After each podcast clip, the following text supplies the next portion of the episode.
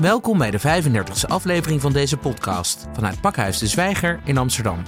Mijn naam is Maurice Seleki en ik spreek met James Kennedy, decaan van University College Utrecht en hoogleraar moderne Nederlandse geschiedenis.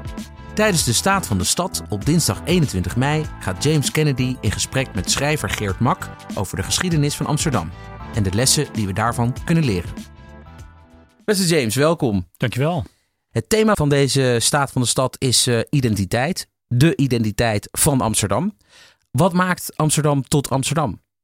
Ja, als je kijkt naar de geschiedenis, kan dat dan wel uh, heel veel dingen betekenen. En dus het is heel moeilijk om dat in één noemer onder te brengen. Maar een van de dingen die dan toch wel telkens weer naar voren komt, dat dit wel een plaats is waar uh, vrijheid uh, heel erg belangrijk is misschien vanaf de tijd van de stadsrechten, uh, dat je dan naar de stad uh, ook ging om vrij te worden in veel gevallen, om je nieuwe leven op te starten.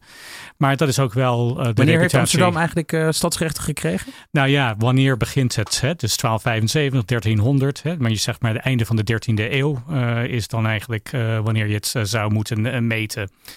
Maar is denk ik ook sinds die tijd, je zeggen als plaats waar mensen naartoe gaan om een nieuw leven op te starten ook wel vluchtelingen van plaatsen van repressie.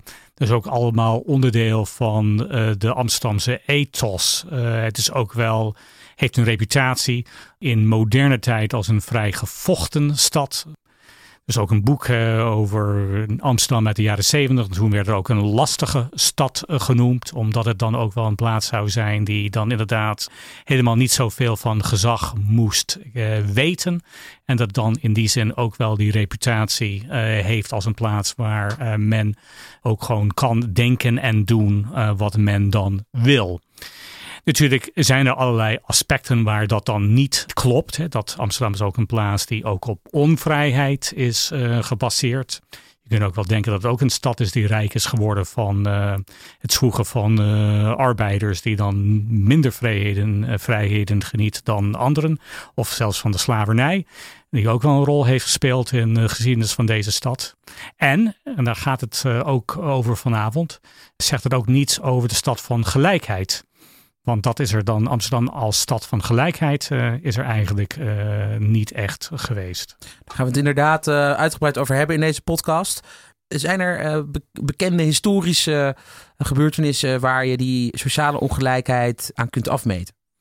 Nou, gebeurtenissen uh, minder dan, denk ik, hele duidelijke tendensen in de Nederlandse en met name de Amsterdamse samenleving. Een van de dingen waar je aan kan denken is, is uh, de Gouden Eeuw. Iedereen kent de Gouden Eeuw, dus dat is misschien een goede, goed begin om daar uh, het over te hebben. Dus dan hebben we het eigenlijk van ongeveer 1600 tot 1700. Ja, nou, een van de dingen die ook historisch onderzoek heeft aangewezen is, is dat Nederland, uh, toen men uh, de Gouden Eeuw ging, uh, inging, dat eigenlijk de gelijkheid afnam en de ongelijkheid toenam. En dat gewoon juist te maken met het feit dat kapitaal in steeds mindere handen kwam te liggen. Dus het is wel, je denkt aan de mensen die het echt hebben gemaakt in de Gouden Eeuw. En de, de, kooplieden. De, de kooplieden en de rijke kooplieden. Nou, die hebben het dan wel heel erg goed gehad in de Gouden Eeuw. En die heeft ook wel Nederland tot het uh, meest welvarend deel van de wereld gemaakt. En met name in Amsterdam, want beter toeven was het hier niet voor mensen die geld hadden. Maar tegelijkertijd, ja, nou, wat moet je dan doen om zo'n uh, stad in stand uh, te houden? Dat betekent niet alleen maar zulke rijke kooplieden binnenhalen, maar het betekent ook wel om die economie uh, in stand te houden, ook wel heel veel arme arbeiders, veelal uit het buitenland, die ook hier naartoe moesten komen, die ook hier naartoe gingen, omdat, nou ja, de lonen wel hoger waren. Inderdaad, brood was ook duurder. Uh, maar ze kwamen hier in ieder geval uh, hier te gaan zwoegen. Dus je had dan als gevolg van de concentratie van middelen, van geld in de handen van betrekkelijk weinig mensen, is er dan ook wel een stad tot stand gekomen waarin de ongelijkheid groter is geworden. Dus je had aan de ene kant een kleine bovenlaag van regenten, van kooplieden, laten we zeggen de Jan Sixen van deze wereld. van die wereld. Uh, en, ja. en daaromheen een veel grotere groep van mensen die voor hen werkten als arbeiders, als uh, ja, andere medewerkers. Ja, absoluut. Dus je moet even denken dat heel veel mensen hadden het, een groot deel van de bevolking uh, hadden het niet breed. Dus je hoefde maar één ramp in je leven te hebben en dan was je dan eigenlijk afhankelijk van de bedeling of je moest dan eigenlijk help, hulp zoeken bij familieleden. dan was het dan wel echt een groot probleem, maar je kunt wel denken aan een kwart van de bevolking die in ieder geval wel echt uh, in armoedige of bijna armoedige omstandigheden uh, leefden. En waar inderdaad uh, het leven zeer precair was. En ook dat is een kant van de Gouden Eeuw die vaak niet meer gezien wordt. En dus in die zin zou je zeggen, hele notie van gouden eeuw, dus in plaats van een globalistische of een wereldeconomie, waar alles naar Amsterdam toe gaat, in termen van allerlei vormen van goederen, maar ook allerlei mensen gaan naar Amsterdam. En dus is wel echt een soort plaats van waar de wereld elkaar ontmoet. Maar het is natuurlijk niet alleen maar een stad uh, voor de rijken en werd niet alleen in stand gehouden door de rijken. Maar die welvaart was dus in ieder geval niet voor iedereen. Net zoals eigenlijk dat tegenwoordig. Want nu wordt er ook weer gezegd: het is de nieuwe Gouden Eeuw. Amsterdam gaat een nieuwe Gouden Eeuw ja. in. Wordt door sommige mensen gezegd. Maar die verdeelt zich ook niet over de hele samenleving per se. Ja. Ja, want je kan zeggen dat uh, als het gaat over de een Gouden Eeuw, hè, dus dat betekent uh, nou uh, luister trekt luister, geld trekt geld. Dus er komt dan wel heel veel binnen, wat dan ook wel mooi is. Dus de mo mooie architectuur uit de Gouden Eeuw komt er dan in.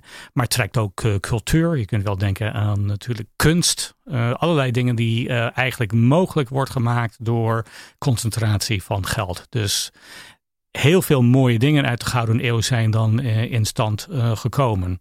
Maar inderdaad, door de concentratie van geld, gewoon in de handen van betrekkelijk weinigen, is dat niet iedereen toebedeeld geweest. En het geeft aan dat ook die Gouden Eeuw uh, gebaseerd is op ongelijkheid. En je zou kunnen zeggen ook latere Gouden Eeuwen, misschien wel eind van de 19e eeuw, begin van de 20e eeuw. Dat werd ook gezien als een gouden eeuw. Hetzelfde zou je daarover iets kunnen eh, zeggen. Minder dramatisch dan in de eerste gouden eeuw. En natuurlijk ook wel een soort derde gouden eeuw waar Amsterdam zich nu in uh, lijkt uh, zich te bevinden. Waarin ook het, hetzelfde verhaal is. Want die, die tweede gouden eeuw, dat is wel inderdaad interessant. Dat is eigenlijk een beetje de periode van de, de grote 19e eeuwse industriëlen, de, de Heinekens, de mensen die het concertgebouw stichten, de mensen die het Vondelpark stichten. Die, die periode bedoel je? Ja, die periode. Ja. Dus vooral ja, Amsterdam begint echt goed te groeien later in de 19e eeuw. Maar je zou dus zeggen de periode van 1880 zeg maar tot eh, de Eerste Wereldoorlog. En daarin zijn ook eh, hele grote historische buurten opgekomen. Hè. Je ziet uh, staatsdiedenbuurten, Pijp en zo. En die zijn dan met name ook wel voor arbeiders. Ja. Uh, uh, en en die, die, dat stadscentrum begint zich te ontwikkelen. Er is ook sprake van een zeker aardappeloproer in 1917. 1917. Ja, wat was dat precies?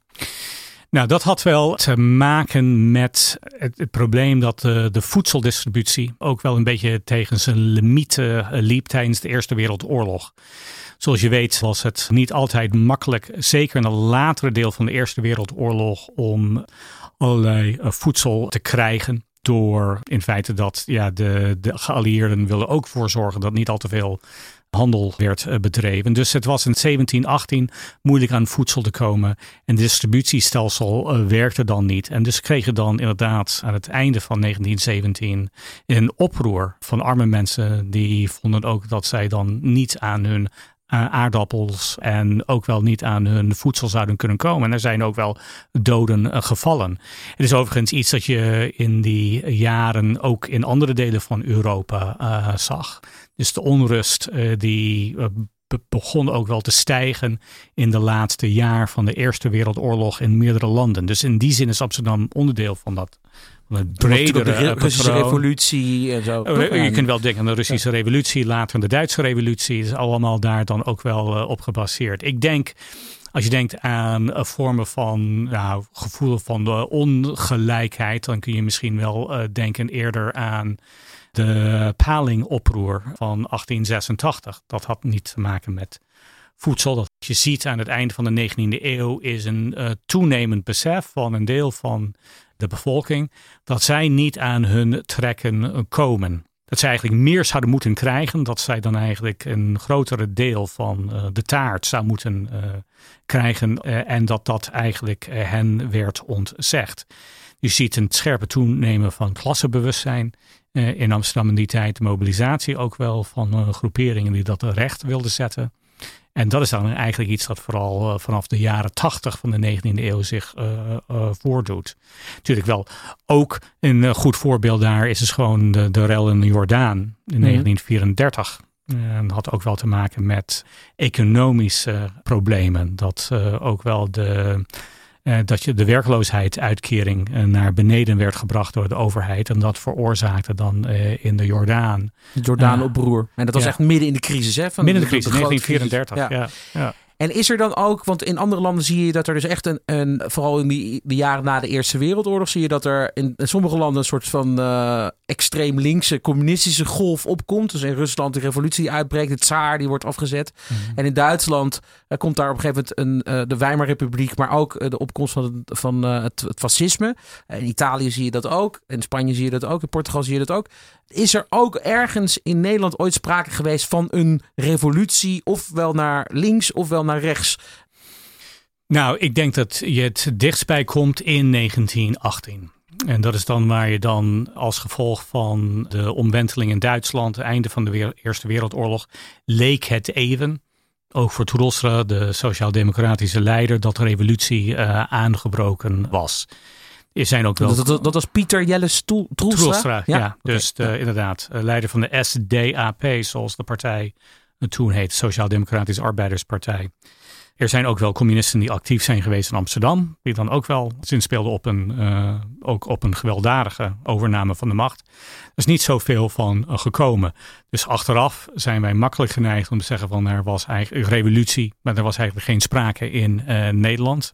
Maar het leek wel in november 1918 best wel spannend. Voor de mensen die dachten dat het best een mogelijkheid zou zijn. En wie weet, onder net wat andere omstandigheden was het net wat verder gekomen dan het was. Wat wel opvalt is, is dat in het algemeen dat partij van rechts en links in het interbellum uiterst rechts, uiterst links betrekkelijk klein zijn in Nederland en ook klein uh, blijven. Maar, dus bijvoorbeeld uh, de NSB, uh, NSB rechts, en, ja. en de Communistische Partij Holland of diens opvolger. Dus dat zijn wel betrekkelijk kleine partijen, maar die zijn wel, ook de communisten zijn oververtegenwoordigd geweest in Amsterdam. En dus, hoe komt dat, dat, dat, dat, dat ze daar juist in Amsterdam geconcentreerd waren? Nou, ik denk dat met name in de grote steden uh, zie je natuurlijk wel wat meer uh, aanwezigheid. Maar ik denk dat je hier had te maken met een sterke arbeidersbeweging al vroeg af. Allerlei verschillende soorten overigens. Dus niet allemaal uh, radicaal links, maar uh, die waren er wel uh, aanwezig. had te maken natuurlijk met de sterke groei van de Nederlandse, met name de Amsterdamse economie. Dus het had gewoon te maken met denk ik, de concentratie van arbeiders in Amsterdam en omgeving, die het dan wel een plaats maakte hiervoor. Denk ik ook een en traditie van uh, inderdaad van radicaliteit, die dat, daar dan ook wel een rol uh, in speelde. We moeten niet meer maken dan het is. Hè. Dus van, je zou kunnen zeggen, de, de grootste partij, ook verreweg de grootste partij in deze tijd in Amsterdam was ook de SDAP. Dus Sociaal-democratisch. Uh, Sociaal-democratisch, niet, niet echt in de jaren 20, 30 revolutionair meer in naam uh, misschien tot de jaren 30 wel, maar eigenlijk in de praktijk niet meer. En dat was, was de voorloper van de PvdA eigenlijk? Soort van. Ja, er waren meerdere voorlopers van de PvdA, maar het was de belangrijkste en grootste voorloper van de PvdA. Ja. Nou, dan nemen we even een, een hoorde over de Tweede Wereldoorlog heen. Naar die wederopbouw en naar de, naar de jaren 60.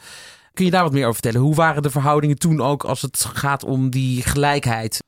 Nou, ik denk een van de dingen natuurlijk die uh, gebeurde niet alleen in Nederland, maar ook in Nederland in in de 20e eeuw is een uh, poging, als het ware, om die gelijkheid of die ongelijkheid te bezweren. Om in ieder geval daar greep op uh, te krijgen, controle op. In ieder geval de extreme kanten van ongelijkheid. En de opkomst van de sociaal-democratische beweging is daar wel een voorbeeld van. Dus je probeert als ware ongelijkheid te temmen door goede voorzieningen.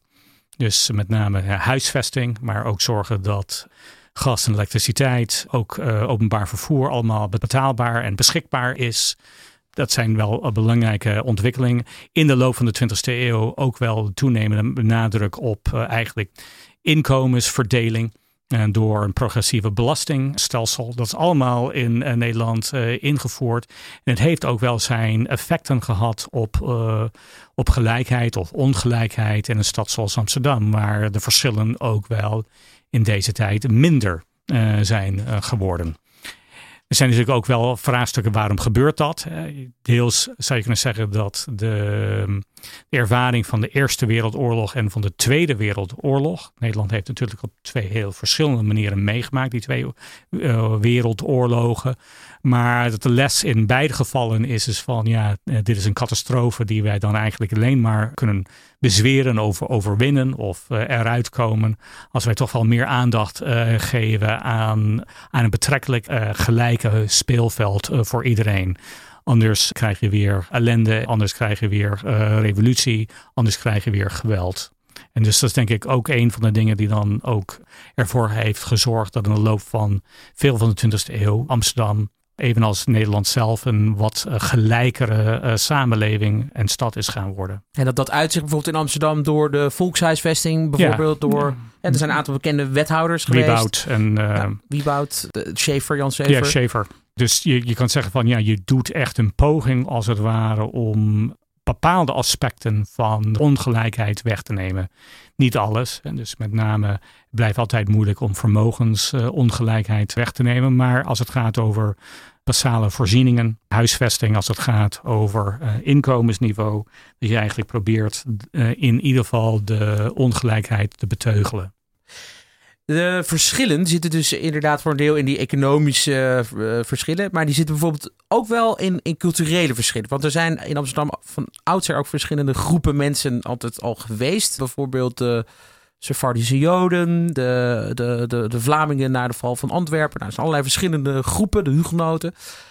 Kun je daar wat over vertellen wat de invloed is geweest van de, laten we zeggen, de groepen nieuwkomers die naar de stad zijn gekomen? Voor de oorlog. Voor de oorlog en dan pakken we hem daarna weer over na de oorlog. Oké. Nou, deels is, moet je zeggen, er zijn natuurlijk wel bepaalde groepen, eh, bepaalde migrantenstromen geweest in de Amsterdamse geschiedenis. Natuurlijk, als het gaat over de, als we helemaal teruggaan naar uh, de Gouden Eeuw, dan kunnen we zeggen van dat dan in eerste instantie is het niet de Joden of de Hugenoten uh, of de Vlamingen die misschien stat statistisch wel belangrijk zijn geweest, maar het zijn vooral de arme Noord-Europeanen uh, die naar Amsterdam zijn gekomen. Denk uit Scandinavië, uit Noord-Duitsland. Je moet ook wel denken dat heel veel van de aanvoer ook in Nederland in de 19e eeuw 19e eeuw ook uit Duitsland uh, is uh, gekomen. Dus hetzelfde patroon. Dus zeg maar de Duitse impact op een stad van Amsterdam door de eeuwen heen is heel erg groot geweest. Wat, misschien wat minder tot de verbeelding sprekend. Het spreekt minder tot de verbeelding. En dat is ook een bevolking die vaak, van, vaak van zeer bescheiden komaf, zo niet arme komaf, is uitgekomen.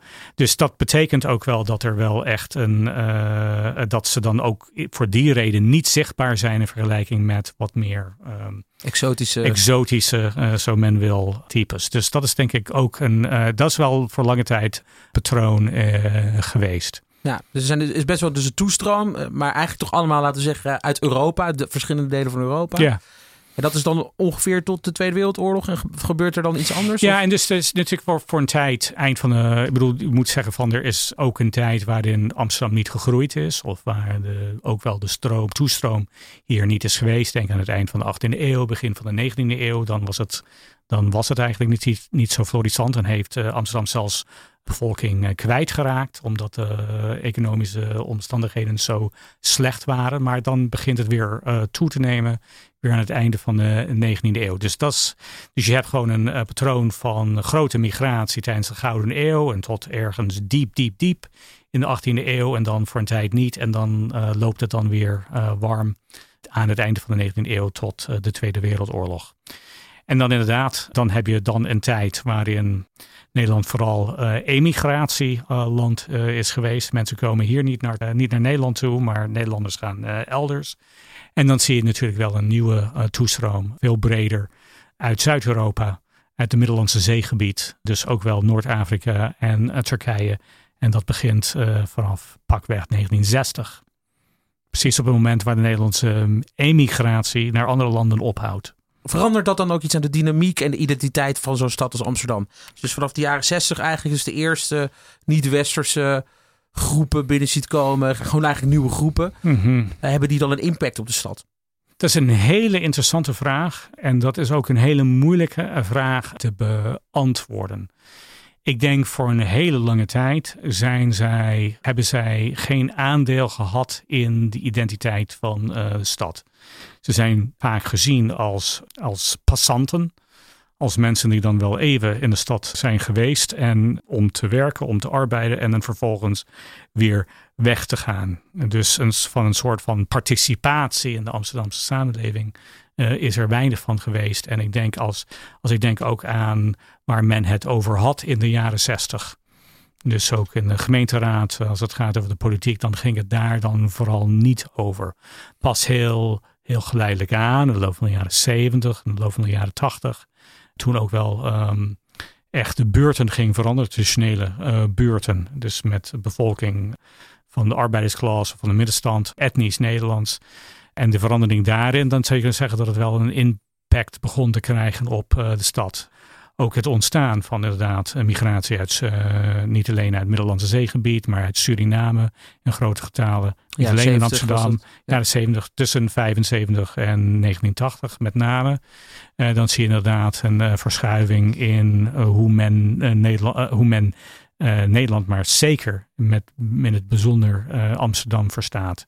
Het, het, draagt ook allemaal bij aan als een stad die dan ook wel misschien wel heel uh, rijk gekleurd is, maar ook een, een gevaarlijker uh, stad. Dus denk ik ook wel met name door de toename van uh, zeg maar de heroïne-epidemie in de jaren zeventig er ook wel zo'n beeld is ontwikkeld.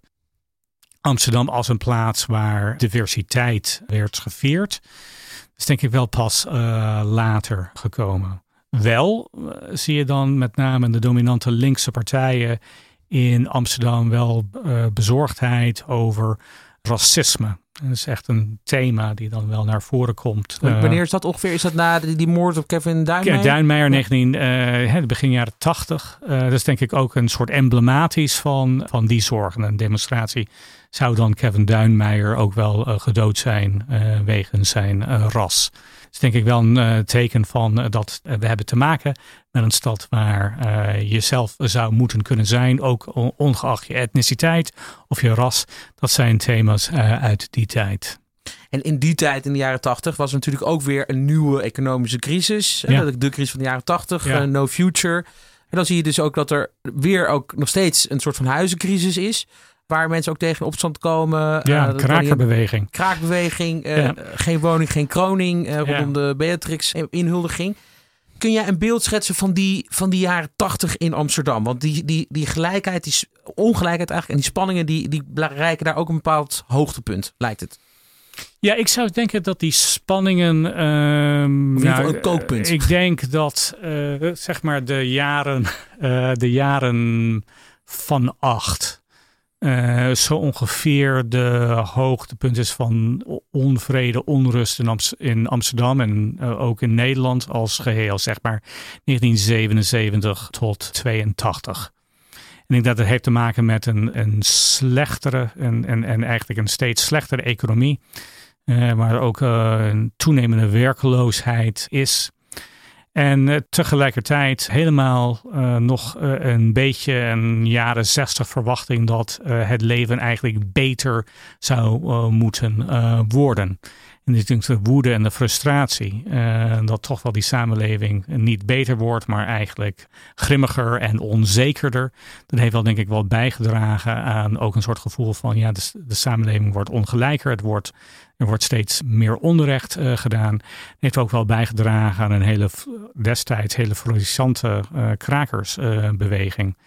En ik denk zeg maar dat, maar dat begint denk ik na 1982, 83 ook met, met de confrontaties van, van die jaren begint dat dan, dan weer af te nemen. Dus ik denk dat je zegt van, ik denk Amsterdam in eind jaren tachtig al heel anders uitziet dan Amsterdam begin jaren tachtig. En dan komen we eigenlijk langzaam zeker in het moderne tijdvak. Dit, dit, is inderdaad wel even een lesje moderne geschiedenis ja. uh, voor, voor onze luisteraars. Uh, het moderne tijdvak, waarin je ook weer verschillende periodes ziet. Maar als we gewoon even inzoomen op de laatste, laten we zeggen, vijf jaar. Wat, uh, dan zijn we in de 21ste eeuw beland. Wat, wat zie je dan op het gebied van ongelijkheid in de stad? Nou, ik denk dat je dan de laatste vijf jaar, bijna precies vijf jaar, karakteriseert zich natuurlijk wel met de sterke uh, toename van met name de huismarktprijzen. Die natuurlijk wel veel zeer gestegen zijn. Is denk ik wel emblematisch uh, voor de verschillen van de, van de laatste vijf jaar. Nederland uh, is natuurlijk altijd een duur land geweest, maar er zijn zeer grote verschillen uh, onderling. En, en natuurlijk is Amsterdam, dat weet iedereen, ook koploper als het gaat over huizenprijzen. Of bijna koploper. En je, moet, je kan ook naar het gooi gaan, maar zijn, dit is wel echt de plek waar dit naar, naar voren komt. Dat was al in de jaren negentig zo. En het, tot ongeveer ja, het begin jaren van de 21ste eeuw maar het is natuurlijk wel bijzonder fors toegenomen. Dus dat is denk ik iets dat je dan wel ziet. Dus dan zie je dan echt heel veel verschillen en toenemende segregatie. Werksegregatie in de hand, maar ook wel haves en have-nots wordt dan hiermee vergroot. Dus je kunt wel denken aan de verschil tussen zeker arm en rijk. Maar uh, het gaat ook tussen jong en oud. Dus uh, de ouderen zijn, hebben dan in kapitaalkrachtig, hebben dan wel vaak eigen woningen en uh, jongeren vaak niet. Dus dat, is het onderzoek, hè, dat twintigers tegenwoordig alles steeds meer uitstellen, ja, mede doordat ze bijvoorbeeld geen huis week, hebben. Ja. ja. ja. En, en James, kijk, in het verleden zie je dan dat als mensen bijvoorbeeld geen eten hebben, dat er dan een aardappeloproer komt. Of als er gekort wordt op de uitkering, een Jordaanoproer. Uh, of als ze geen woning hebben in de jaren tachtig, een kraakbeweging. Maar wat gebeurt er dan nu als reactie op de ongelijkheid? Ja, dat is denk ik een van de interessantste vragen. Waarom krijgen we dan eigenlijk over ongelijkheid nu geen eh, echte mobilisatie die een verschil maakt? Dus je krijgt niet een. Sociaal-democratische uh, beweging. Of je krijgt niet uh, opstand op de manier dat je in Amsterdam zag in de 20e eeuw. Ik denk dat deels heeft te maken met dat uh, de organisatiegraad van, van burgers, zeker als het gaat over politieke mobilisatie, al een stuk geringer is dan voorheen.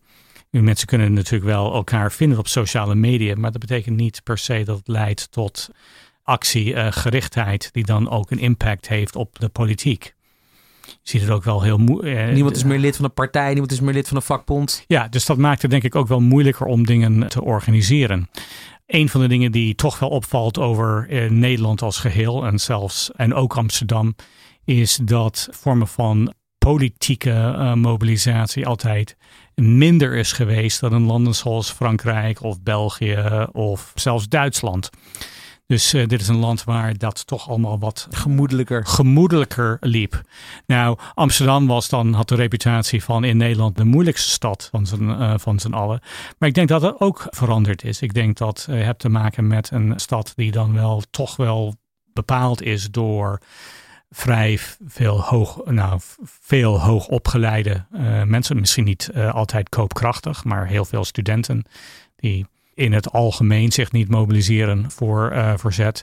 Je hebt wel te maken met inderdaad een gegoede burgerij die daar helemaal uh, geen uh, zin in heeft. En je hebt ook te maken met vele nieuwe Nederlanders die dan ook op de manier waarop ze hun eigen leven inrichten ook niet georganiseerd zijn voor vormen van protest tegenover ongelijkheid. En zie je in die nieuwe Nederlanders, om daar even op in te zoomen, de, daar heb je nu eigenlijk twee stromen. Je hebt de, de expats, die, die dus eigenlijk op, aan de bovenkant uh, van de arbeidsmarkt zitten, die in worden gevlogen uit allerlei landen. Om, maar je hebt ook nog de arbeidsmigranten aan de, wat, aan de onderkant en de vluchtelingenstroom. Die ja. hoe, hoe verhouden die nieuwe groepen nieuwe Amsterdammers zich tot elkaar? Niet. Nou ja, ik bedoel, dat is een, over, uh, dat is een overdrijving. Maar het is wel. Het is heel interessant als ik denk over expats. Hè. Dus. Um, expats Wat heeft je al jezelf een soort... als een expat? Nee. Nee?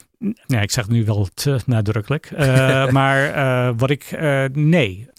Nou, een expat heeft toch altijd iets deftigs. Dat is dan wel iemand die uh, vrij mag reizen van land uh, tot land. Dus dan heb je het. Uh, een expat lijkt een, een, hele andere soort wezen te zijn dan een statushouder. expats zijn zelf een zeer uiteenlopende groep. Misschien dat ik mijzelf niet beschouw als expat, omdat ik dan vooral in een Nederlandstalige omgeving woon en leef. En dat ik dan mij. Ik, eh, mijn vriendenkring is niet in eerste instantie een expat uh, kring. Dus dat is denk ik, dus dat is waarom ik dat niet eh, doe. Maar ik denk dat ook expats zijn all over the place. Dus dat zijn ook wel passanten die dan elkaar wel misschien vinden in bepaalde netwerken, maar dan ook weer uit elkaar gaan. Als je denkt weer van dat je hebt te maken met zo 170 verschillende nationaliteiten of mensen van een bepaalde nationale oorsprong dan is het dan ook uh, een beetje vreemd om ze dan ook uh, te beschouwen als een groep die dan wel per se veel met elkaar uh, hebben. Dus het is wel een, je zou zeggen, er zijn natuurlijk delen van de stad waarin dat wel kenmerkend is. je krijgt een een Japanse community bij Amstelveen bijvoorbeeld? Ja, dat zou je wel kunnen doen. Er zijn bepaalde gemeenschappen die zeer herkenbaar zijn in Amsterdam Zuidoost. Um, dus er zijn wel uh, bepaalde groeperingen die je dan wel uh, aan kan, kan, wijzen. Maar het is niet per se dat je hebt weer te maken met een stad waarin deze groeperingen wel uh, heel veel met elkaar te maken heeft. Dus het is eigenlijk eerder groepen die nou ja, naast elkaar leven zonder al te veel moeite, maar ook zonder al te veel interactie. Er wordt vaak uh, vrij trots door de stad gehamerd op het feit dat er dus 180 plus nationaliteit zijn in Amsterdam. Maar waaruit blijkt de impact van die 180 nationaliteiten? Want eigenlijk zeg je, nou, ze zijn er wel, maar ze leven naast elkaar, weinig interactie.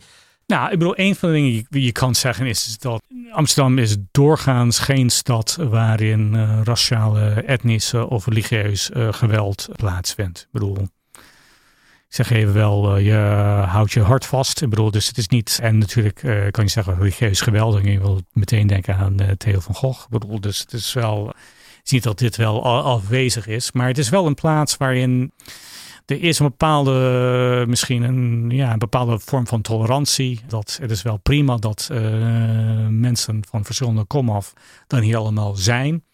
En dat is wel ook een groot goed. Ook als jij onverschillig staat tegenover een ander, en verder daar niets mee hebt, maar ook wel ongemoeid laat. Ik bedoel, nou ja, er zijn sommige uh, samenlevingen die om zo'n onverschilligheid smeken. Maar ik denk dat er in het algemeen nog positiever is, is dat ja, er is denk ik een soort gedeeld trots in Amsterdam die ook wel een effect heeft. Ik bedoel, we zijn. Dus plaats... bij Ajax bijvoorbeeld, dat, ja. dat is dan ook een manifestatie. Ja, het is een manifestatie. Maar het is ook wel, nou, we hebben wel, dus dit is een stad die zo gekenmerkt is en uh, dat vinden we ook tot een zekere hoogte prima. Dus het is wel een stad die uh, diversiteit ook omarmd uh, heeft. En dat speelt ook een rol, een positieve rol in de dynamiek van de stad. Maar ja, die diversiteit uh, moet je ook anders gaan zien. En diversiteit is ook segregatie. Want dan beginnen we ook een beetje richting de afronding van deze podcast te gaan. Hè? Want je ziet dan eigenlijk dus die twee. We staan misschien wel op een kruispunt. Aan de ene kant heb je die positieve effecten van die superdiversiteit. Aan de andere kant heb je de negatieve effecten. Die segregatie zou een negatief effect kunnen zijn. Wat denk jij, waar gaat de balans uitslaan? Naar de positieve kant of de negatieve kant? Nou, ik denk dat je de. Dat zijn spanningen die je denk ik heel lang in, als het ware, mee kan maken. Zonder dat dat wordt opgelost en zonder dat dat uit elkaar spalt. We leven in andere tijden, dus wat betekent dan eigenlijk inderdaad eh, de toenemende concentratie van van geld in de handen van betrekkelijk weinig Amsterdammers ten opzichte van anderen. Wat effect zal dat hebben? Op welk moment gaat dat dan niet meer werken? Of kunnen we daar nog wel decennia mee doorgaan? Dat is ontzettend moeilijk te weten. En ik denk ook als het gaat over eh, de segregatie, dat uh, mensen als het ware, dat het eigenlijk juist moeilijker wordt om gemengde buurten te vinden waar mensen van hetzelfde inkomen of met verschillende inkomens, moet ik zeggen, dan wel elkaar eh, weten te vinden en naast elkaar vinden. Mensen van verschillende etniciteiten misschien ook wel ook met elkaar ontmoeten gaan. Ik zie, dat, uh, ik zie ook geen tekens dat dat afneemt in Amsterdam. Dus uh, een van de dingen is dat we hebben wel denk ik te maken met een, als het ware, die spanning wordt wel groter. Maar waartoe leidt, dat kunnen we vanuit de historie gezien in ieder geval nog niet voorspellen. Nee, ik bedoel, dan, ik bedoel, er zijn natuurlijk wel wetenschappers die zeggen van ja, dat zal zich dan alleen maar kunnen oplossen in een grote crisis, in een, uh, in een oorlog of in een catastrofe. En laten we hopen dat dat, dat dan niet het geval is. En een van de dingen die ik kan ook wel afvragen is, is van ja, het kan ook wel afhangen van of de nationale staat, want het zijn toch wel uiteindelijk de nationale steden die dan ook wel iets moeten doen met, met de verschillen. Of zij dan ook een verschil kunnen maken in, in Amsterdam door vormen van ongelijkheid te bestrijden. Maar door nieuwe, een nieuwe belastingstelsel of door andere manieren van flink ingrijpen in, in mensen's eh, vermogen en inkomen. Maar tot slot, heb je nog een boodschap voor onze luisteraars? Amsterdam is een, eh, prachtige stad om uh, in te wonen. En ik woonde hier ook ooit in, nu in een lang verleden. En ik vind het ook een plaats waar ik de rest van mijn leven met veel plezier zou kunnen leven. Maar dat hangt in toenemende mate af van wie de ik is die dit zegt. En dat is denk ik wel heel erg belangrijk om te beseffen dat zo'n Amsterdam zoals ik het heb beleefd en heb mogen beleven, niet voor iedereen is uh, weggelegd. En dat uh, ook Amsterdam wegglipt uit de handen van velen. En dat maakt ook, dat is, dat is dan een bevestiging van Amsterdam als een stad van ongelijkheid, maar ook een ondermijning van het beste dat Amsterdam kan zijn. Dankjewel, James Kennedy. Beste luisteraars, dit was de 35e aflevering van de podcastserie van Pakhuis de Zwijger. Op dinsdag 21 mei vindt de Staat van de Stad plaats in Internationaal Theater Amsterdam. De Staat van de Stad is een co-productie van Pakhuis de Zwijger, Internationaal Theater Amsterdam, Gemeente Amsterdam, in samenwerking met Rabobank Amsterdam. Meer informatie over dit programma en andere programma's van Pakhuis de Zwijger is te vinden op dezwijger.nl. Een rating achterlaten of je abonneren op deze podcast kan via SoundCloud, Spotify, iTunes of een ander podcastplatform. Dank voor het luisteren en tot de volgende keer.